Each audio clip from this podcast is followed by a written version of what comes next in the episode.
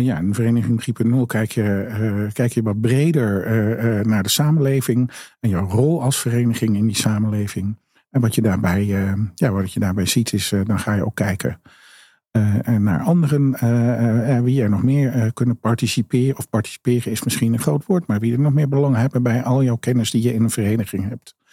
Nou, dat klinkt, uh, dat klinkt een beetje abstract, dat klinkt een beetje algemeen. Uh, maar je kunt bijvoorbeeld ook denken dat uh, het percentage niet-leden dat nu onze PE-punten volgt, is bijzonder laag. dat kan hoger. dus daar, liggen, daar ligt een mooie alternatieve inkomensstroom, hè, als je het daarover hebt. maar daarnaast is er nog veel meer kennis. Er zijn kennisdatabanken. en je kunt dus overwegen en je kunt dus onderzoeken of je daar ook andere mensen blij mee kunt maken tegen vergoeding.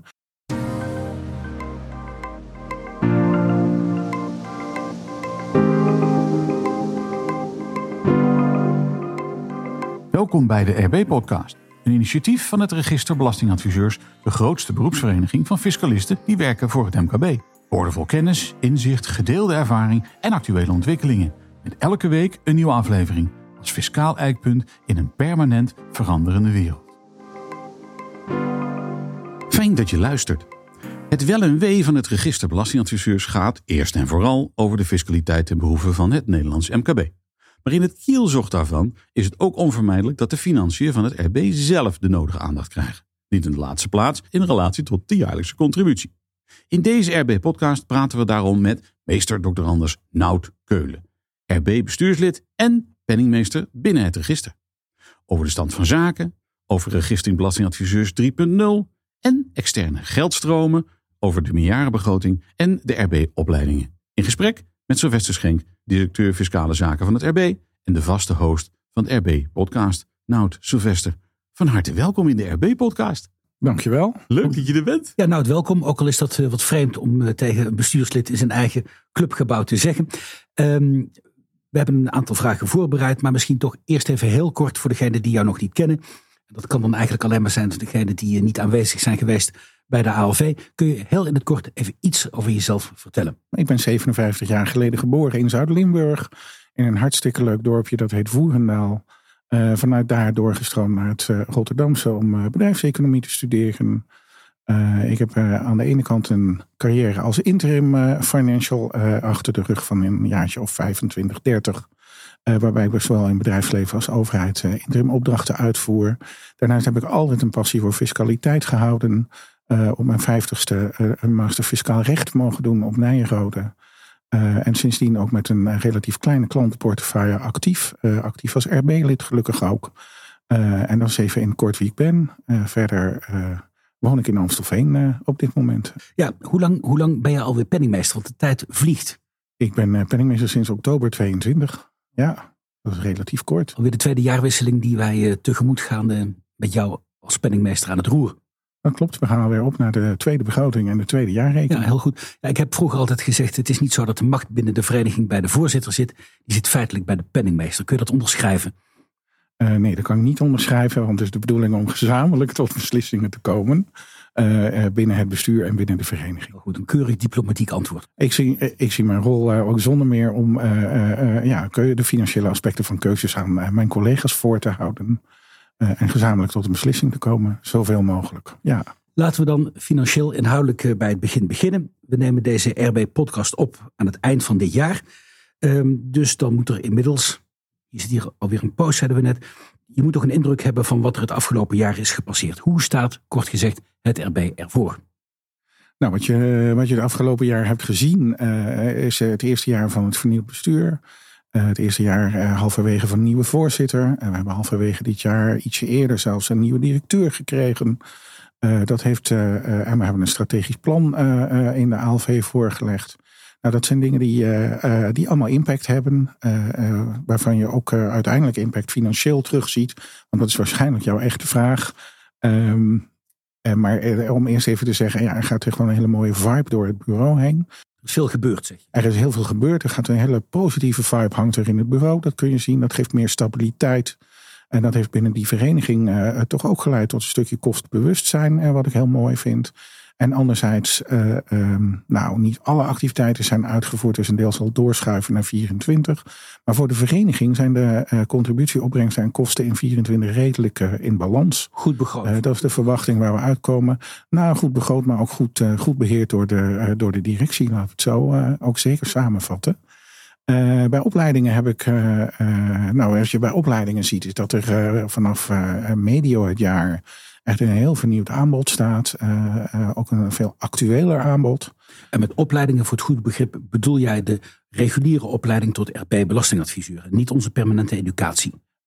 het is goed dat jij even ingrijpt, want met opleiding bestaat inderdaad uit twee takken. het programma van opleidingen, dat staat redelijk vast. Daar zie je ook een goede instroom, een goede permanente instroom van nieuwe, nieuwe cursisten komen. Die is bevredigend. Die is in ieder geval conform verwachting, laat ik het zo zeggen. Um, en aan de andere kant hebben we de behalen van PE-punten op RB-niveau. En behalen van PE-punten, daar bedoelde ik eigenlijk op, daar is het aanbod vernieuwd. actueler geworden. er zijn er gewoon hele mooie opleidingsmogelijkheden bijgekomen. Ook mooie webinars geweest met een hoge opkomst. Ehm, neem niet weg dat ik op de ALV gezegd heb, uh, de financiën van opleidingen staan nog wel in het oranje. En ik verwacht dat we wel iets onder de begroting, dus negatiever dan de begroting, gaan eindigen. Neem niet weg dat we alweer hard aan de verslag zijn voor 2024. Eh, het opleidingsaanbod voor 2024 is ook vernieuwd en geactualiseerd. Uh, dus daar wordt hard aan de weg getimmerd. In hoeverre is het businessmodel uh, veranderd door de opkomst van online onderwijs? Je had het over webcast. Nou, vijf jaar geleden hadden we daar nog nooit van gehoord. Dat klopt. Dus uh, er zijn uh, heel veel uh, vrienden in de markt, om het zo maar te noemen, die hetzelfde aanbieden. en ook daar wordt op dit moment gekeken hoe wij daar ook zelf nog beter wellicht op kunnen gaan inspelen. Ja, want wie weet nou beter wat de RB-belastingadviseur nodig heeft? Ja, die kennis zit bij ons in huis. Zeker. en laten we, die, laten we ook kijken hoe we onze leden daar nog beter bij kunnen gaan bedienen. wat daarbij belangrijk is, denk ik, is de actualiteit. als wij bovenop de bal zitten, dan is de kans op een succesvolle cursus het grootst. Je zag dat bij Belastingplan 2024. Uh, uh, enorme opkomst uh, in dat webinar. Ja, volgens mij waren wij heel kort op die bal. volgens mij was het een kwestie van dagen, zelfs 48 uur, dat het webinar werd aangekondigd. En een paar dagen later was het webinar. Uh, ja, en daar zijn wij voor als vereniging, denk ik, om onze leden uh, actueel en snel en goed te informeren. Die belofte is eerder al gedaan door onze hoofdopleiding, Jill van der Zij. Uh, die had het niet over 48 uur, die had het zelfs over 24 uur. Ik vond dat heel dapper. Als het, als het echt nodig was. Als het echt nodig was. en ik moet zeggen, de ervaringen tot nu toe die zijn goed. dus ik heb daar verder alle vertrouwen in. Want dit soort um, inkomsten, nou, die vind jij van groot belang voor onze vereniging. Misschien mede in het kader van de vereniging 3.0. En ja, in de vereniging 3.0 kijk je, uh, kijk je wat breder uh, naar de samenleving en jouw rol als vereniging in die samenleving. En wat je daarbij, ja, wat je daarbij ziet, is dan ga je ook kijken naar anderen, wie er nog meer kunnen participeren. Of participeren is misschien een groot woord, maar wie er nog meer belang hebben bij al jouw kennis die je in een vereniging hebt. Nou, dat klinkt, uh, dat klinkt een beetje abstract, dat klinkt een beetje algemeen. Uh, maar je kunt bijvoorbeeld ook denken dat uh, het percentage niet-leden dat nu onze PE-punten volgt, is bijzonder laag. dat kan hoger. dus daar, liggen, daar ligt een mooie alternatieve inkomensstroom, hè, als je het daarover hebt.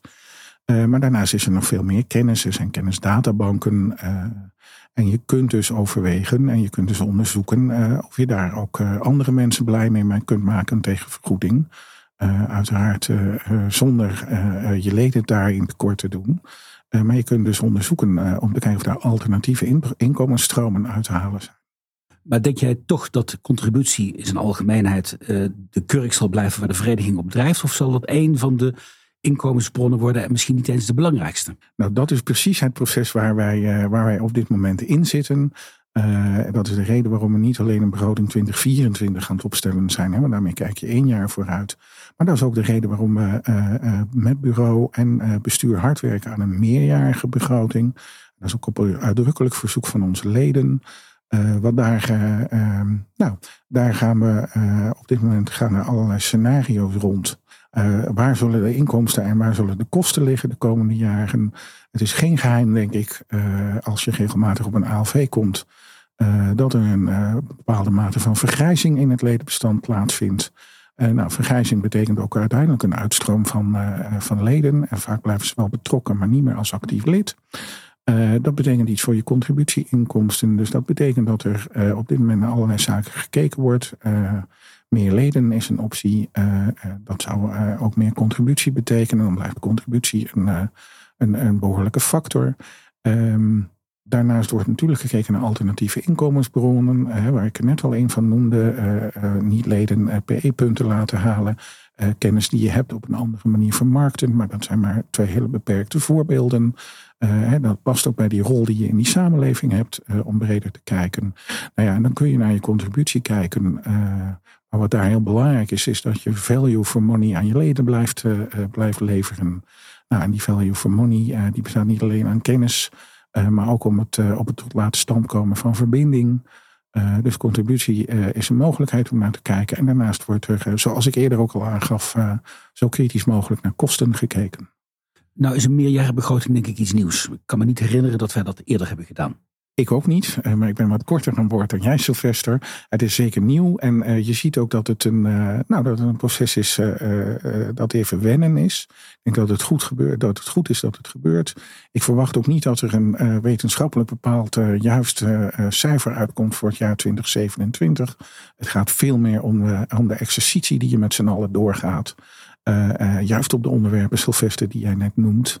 Uh, nou, wat doe, je met, uh, wat doe je met die vergrijzing? Hoe ga je daarmee om? Want die vergrijzing heeft uiteindelijk een uh, behoorlijke, nou, behoorlijke positie of behoorlijke invloed op de financiën van de vereniging. Ja, jij gaf er een poos geleden aan dat jouw ideaalbeeld, althans een mogelijk toekomstbeeld, zou zijn dat wij eindigen met één lid die een contributie betaalt van 4 miljoen euro. Als die vergrijzing inderdaad doorgaat, is dat het, het utopische spookbeeld.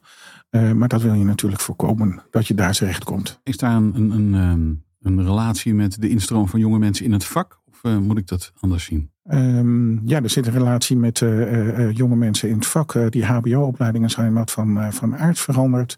Populariteit van fiscale opleidingen, zeker in het HBO, is, loopt terug. de interesse voor het vak, dus de, de instroom in de vereniging, loopt ook terug. Maar laat ik heel duidelijk zijn.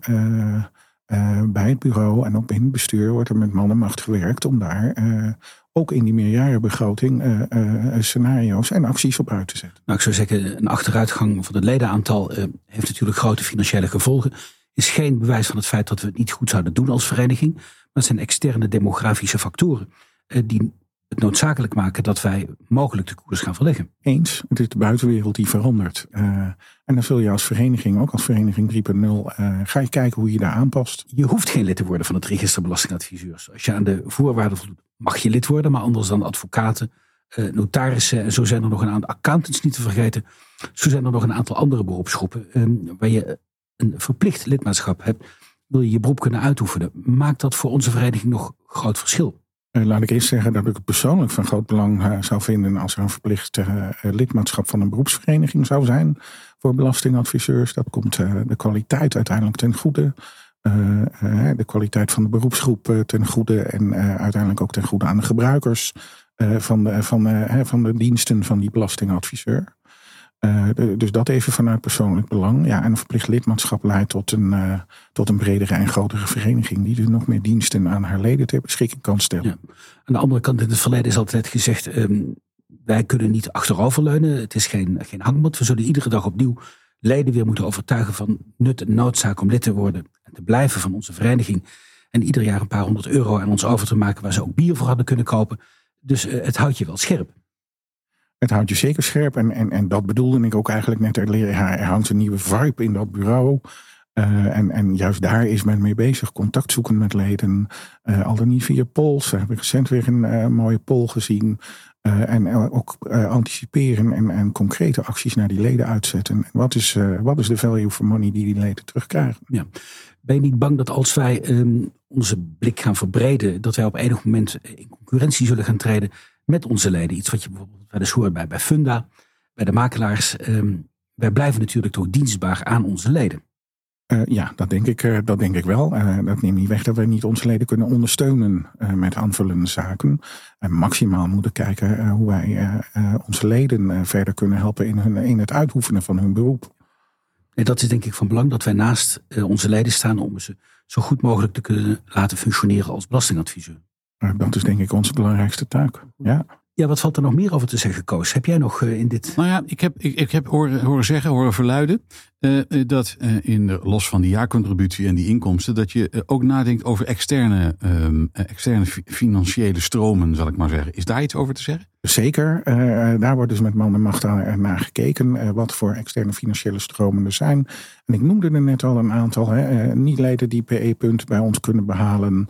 Uh, het vermarkten van kennis die in, uh, nou, nu eenmaal in onze databases en bureau vaktechniek zit opgesloten. Maar nogmaals, dat zijn mogelijkheden waar op dit moment naar gekeken wordt. besluitvorming moet daar nog over plaatsvinden. maar dat zijn echt zaken waar heel actief naar gekeken wordt. En ik heb in dit verband ook het woord beleggingsbeleid langs zien horen komen. Of is dat een. Nee, dat vind ik een volkomen terechte opmerking. Ehm, afgelopen tijd uh, zijn een aantal goede doelen in het nieuws gekomen. omdat er tientallen miljoenen, zo niet honderden miljoenen. bijna letterlijk in rook zijn opgegaan. Um, indiscrete vraag, alhoewel uh, we hebben denk ik voor onze leden weinig of geen geheimen. A. Beleggen wij? B. Verdienen we er geld mee? En C. Hoort een vereniging als de onze? Die vraag die werd ook voor die goede doelen gesteld Hoort een vereniging als onze wel te beleggen? Of moeten wij gewoon alleen maar dagelijks opvraagbare banktegoeden aanhouden? Nou, ik ben heel blij dat je het vraagt, uh, Sylvester. Want uh, um, laat ik even vooropstellen, uh, alle beleggingen staan natuurlijk transparant in onze jaarrekeningen. en dan gaat het er eigenlijk om hoe beleg je en met welk doel beleg je. Nou, dat hebben we keurig vastgelegd in ons beleggingsstatuut. Dat beleggingsstatuut staat ook op onze website. Ja, gewoon naast onze statuten en huishoudelijk reglement is dat, belegging, dat uh, beleggingsstatuut terug te vinden. Uh, ja, en dat is uh, gewoon keurig terug te vinden. en dat is, daarin staat de manier waarop wij beleggen. en ik denk dat daar heel belangrijk is om te weten, wij beleggen niet uh, om een uh, nieuwe inkomens, om daar een extra inkomstenbron uh, aan te hebben. Maar wij beleggen om het vermogen dat deze vereniging historisch heeft in stand te houden. In stand te houden voor calamiteiten, wellicht in stand te houden voor diepte-investeringen. tijdens de coronaperiode is het heel welkom geweest dat er goede reserves waren. Dus het vermogen moet in stand blijven om de continuïteit van die vereniging te garanderen. Is een middel, geen doel. Het is een middel, geen doel, laat ik daar heel duidelijk in zijn. Dus het, zijn ook, het is ook niet bedoeld om extra inkomsten te genereren. Het is om uh, die reserve in stand te houden. En in dat beleggingsstatuut zul je dus ook terugvinden, daar vind je gewoon in terug, dat er in veilige waarden wordt belegd. En dat er dus een uh, ja, defensief beleggingsbeleid wordt gevoerd. Dat transparant is voor onze leden. Dat betekent nog steeds, en ik neem aan dat de goede doelenfondsen waar jij het over had, een iets uh, assertiever beleggingsbeleid hebben gehad. En daarmee op en neer gaan. Ook wij schommelen op en neer. Maar over de periode waarover het gaat. Uh, we beleggen met een horizon van meerdere jaren. om dat vermogen in stand te houden, voeren wij een defensief beleid. En gaan we ervan uit dat we positief uitkomen op die beleggingen. Ja. Maar, maar, het is nadrukkelijk niet bedoeld om daar grote risico's te gaan nemen. Nee. Um, laten wij ons nog leiden door andere waarden dan um, offensief of defensief. Zitten wij in tabak, wapens en meer van dat soort zaken of wordt dat uitgesloten? Um, volgens mij wordt dat in het beleggingsstatuut zoveel mogelijk uitgesloten.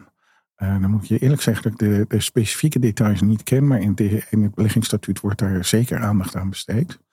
Uh, en wij hebben één keer per, twee keer per jaar overleg met onze vermogensbeheerder, die ons extern adviseert en die ook portefeuille beheert, ook binnen het kader van dat beleggingsstatuut. en dan gaan dit soort zaken komen daar ook zeker aan de orde. Maar je begroot dus geen bedrag uit de portefeuille in, in de begroting om onze dagelijkse kosten te dekken? Uh, nee, zeker niet. Het staat ook op een hele aparte regel uh, in die begroting. En de begroting moet kostendekkend zijn buiten de beleggingsinkomsten. En nogmaals, dat lijkt mij voor de continuïteit van de vereniging uh, de meest verstandige optie. En zo staat hij ook in het beleggingsstatuut. Ja, een transferinkomsten doen we niet. Ik begrijp dat bij Volendam dat er een heleboel gedonder was. In hoeverre je uh, je, je, medewerkers kon verkopen. Mocht, mocht er nog een transfermarkt geopend worden voor fiscalisten, dan moeten wij daar maar eens een keer verder met elkaar over praten. Uh, dat lijkt mij een mooie, uh, mooie intentie voor belasting, belastingadviseur 3.0. Makelaar in fiscalisten, dat lijkt me wel wat. Nou, in de tijd dat de arbeidsmarkt nog meer gespannen was dan die nu is, hebben we natuurlijk wel met enige regelmaat een stel van die zielenhandelaren over de vloer gehad. Zowel bij deze werkgever als bij vorige werkgevers. En ik was altijd stom verbaasd als ik de bedragen zag die men in rekening durfde te brengen. Ook als betrokkenen na één maand het voor gezien hield. En die overstap blijkbaar alleen maar bedoeld was om een doel bij de andere werkgever te bewerkstelligen. Nou, als, als we het hebben, in dit huis hebben we het veel over het MKB. Ik kan je verzekeren dat het MKB niet overwegend positief is over de rol van recruiters eh, in, in deze tijd hoor. To put it mildly. To put it mildly, ja. Ja, daar, daar, daar, heb ik, daar heb ik echt voorbeelden langs zien komen de afgelopen anderhalf jaar. Die met mij alle grijze, toegegeven, nekharen recht overeind lieten staan. Nee, dat zijn zomaar fees van 25% van een bruto salaris uh, als het niet meer is. Ja, Precies. En dan hebben wij het niet over een bruto maandsalaris. Hè? Uh, bruto jaarsalaris. Maar, nou, zo, zo is dat. En dan vervolgens, het heb ik echt meegemaakt bij, uh, bij een accountskantoor. Die vervolgens twee maanden later tot de conclusie kwamen dat datzelfde recruiter, dat die hun kantoor aan het leeghengelen was. Ik denk dat dat soort activiteiten niet bij de RB passen. Nee. Nou, mogen wij concluderen nou dat, uh, ja, dat kun, kun, je van jezelf niet zeggen, maar ik denk dat ik dat mag doen. Er is al eerder is er, uh, de loftrompet gestoken tijdens de laatste leidervergadering, dat de financiën van deze vereniging bij jou in goede en voorzichtige handen zijn. Uh, dank voor het compliment, maar ik wil dat compliment ook met name delen met de mensen van de financiële afdeling van het bureau en Gerrit van Es, onder leiding van Gerrit van Es. daar wordt enorm hard gewerkt om om alles ook goed op orde te hebben en te houden. Ja, dat zijn ook de mensen wellicht die, die manen als er eh, achterstanden zijn. Maar in zijn algemeenheid denk ik toch dat onze achterban een tamelijk betrouwbare betaler is. Wij hebben een uh, hele betrouwbare achterban qua betalen. Uh, wat wel zou helpen als onze achterban ook zorgt dat de adressering uh, op orde is. dus dat we dan toch die ja, achterban ja, aanspreken. Ik geef, je, ik geef je het podium, geef de ruimte voor een hartekreet. Geef wijzigingen door. Uh, geef wijzigingen gewoon uh, zo snel mogelijk door. Dat voorkomt een hele hoop werk op bureau. En nou, zoals gezegd, bureau besteedt liever aandacht dan aan u, maar niet om te manen. Ja, nou, het is een probleem dat niet exclusief is voor deze vereniging. Ik zie een grote campagne van de Belastingdienst. En de Belastingdienst toeslagen doorgeven, klik en ga weer door. Iets in die trant. Het kan allemaal digitaal, er hoeven geen aangetekende brieven meer gestuurd te worden. Dus waarom zou je dit niet doen? Uh, zeker niet. U bent welkom op onze website. Ja, nou, dat lijkt mij. Een... Nou ja, daar kun je alles keurig netjes regelen, toch? Zeker weten. Ja, ja, ja. Uh, moeten wij het nog over, en, want wij, wij, nemen dit op aan het eind van het jaar. Moeten we het nog even richting de ALV, moeten we daar nog iets over zeggen? Nou, ik denk dat een aantal verrassingen die tijdens die ALV gepresenteerd uh, zullen gaan worden, zo die er al zijn, dat die bewaard gaan blijven tot die ALV. Tenzij onze penningmeester nog een tipje van de sluier wil gaan oplichten. Nou, ik denk dat ik de tipjes van de sluiers over de resultaten van verenigingen en opleidingen uh, heb, uh, heb opgelicht. Uh, en in de ALV zal de meerjarenbegroting een duidelijke rol spelen. waarbij we met name ook de leden gaan meenemen in, nou, in, de, in de besluitvorming en de dilemma's die daar optreden. Ja, een meerjarenbegroting lijkt mij geen wettelijk voorzien stuk nou, of zie ik dat verkeerd? Dat is zeker geen wettelijk voorzien stuk, maar het is wel een, een middel om uh, eerst intern binnen je organisatie te communiceren over je toekomstplannen. En het dwingt je tot nadenken. Uh, en het is ook een mooi middel om je leden mee te nemen naar de toekomst. Maar je ziet het heel nadrukkelijk als een hulpmiddel bij de besluitvorming, waarbij dan ook de strategische keuzes helder moeten zijn. Dat klopt, en het is eigenlijk een vervolg op het strategisch plan dat is gemaakt. En uh, het gaat om de invulling van dat strategisch plan. En die vergt nog wel keuzes. Mag ik zeggen dat die meerjarenbegroting de financiële uitwerking is van uh, het strategisch plan? Ja, dat is op hoofdlijnen zeker het geval. Met andere woorden, never a dull moment gaat niet alleen op de fiscaliteit van de afgelopen jaren staan, maar ook ten aanzien van de ontwikkeling van het RB, toch? Natuurlijk, het is, uh, het is uh, kijken naar de toekomst, zoeken naar de toekomst met heel veel uh, creatieve mensen, met heel veel creatieve ideeën. En die worden gewoon gekanaliseerd en die komen samen in die meerjarenbegroting. En daarmee heb je, hou je natuurlijk zoveel mogelijk rekening met de belangen van de leden. En wij hebben een divers ledenbestand. Ja, het leuke aan onze achterban is dat ze die begroting vaak ook lezen. Ik bedoel, als je kijkt bij een vereniging van tandartsen, fysiotherapeuten of uh, yogaleraren. Uh, ja, die vinden dat allemaal uh, wel gesneden.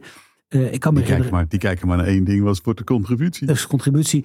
Um, wij hebben leden die die begroting zorgvuldig bestuderen. En je kunt ze eigenlijk geen groter genoegen doen om er een klein foutje in te laten zitten, zodat ze de penningmeester kunnen vragen of het wel klopt, meneer de penningmeester, dat op pagina 24, nou ja, ik uh, hoef het verder niet uit te leggen. Ik ben uh, gewoon heel blij met, uh, met onze leden die goed naar die stukken kijken.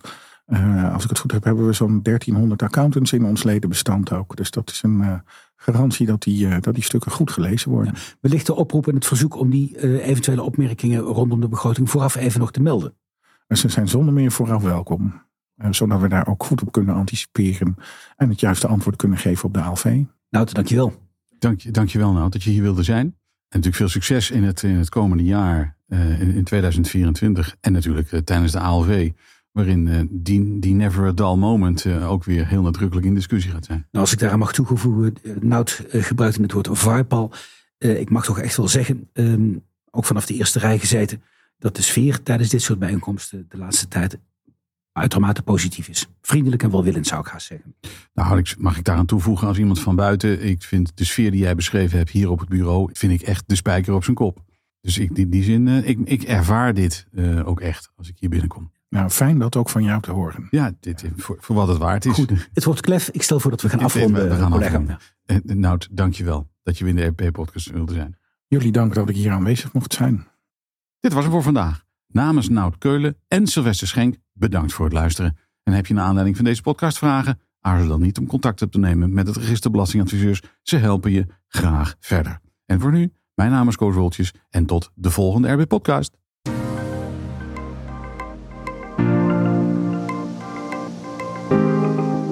Je luisterde naar de RB-podcast, een initiatief van het Register Belastingadviseurs, de grootste beroepsvereniging van fiscalisten die werken voor het MKB als fiscaal eikpunt in een permanent veranderende wereld. Met elke week een nieuwe aflevering, boordevol kennis, inzicht, gedeelde ervaring en actuele ontwikkelingen. Wil je geen enkele RB-podcast missen? Abonneer je dan via de podcastplatform Spotify, Apple Podcast of Google Podcast. Of kijk op de website van het Register Belastingadviseurs.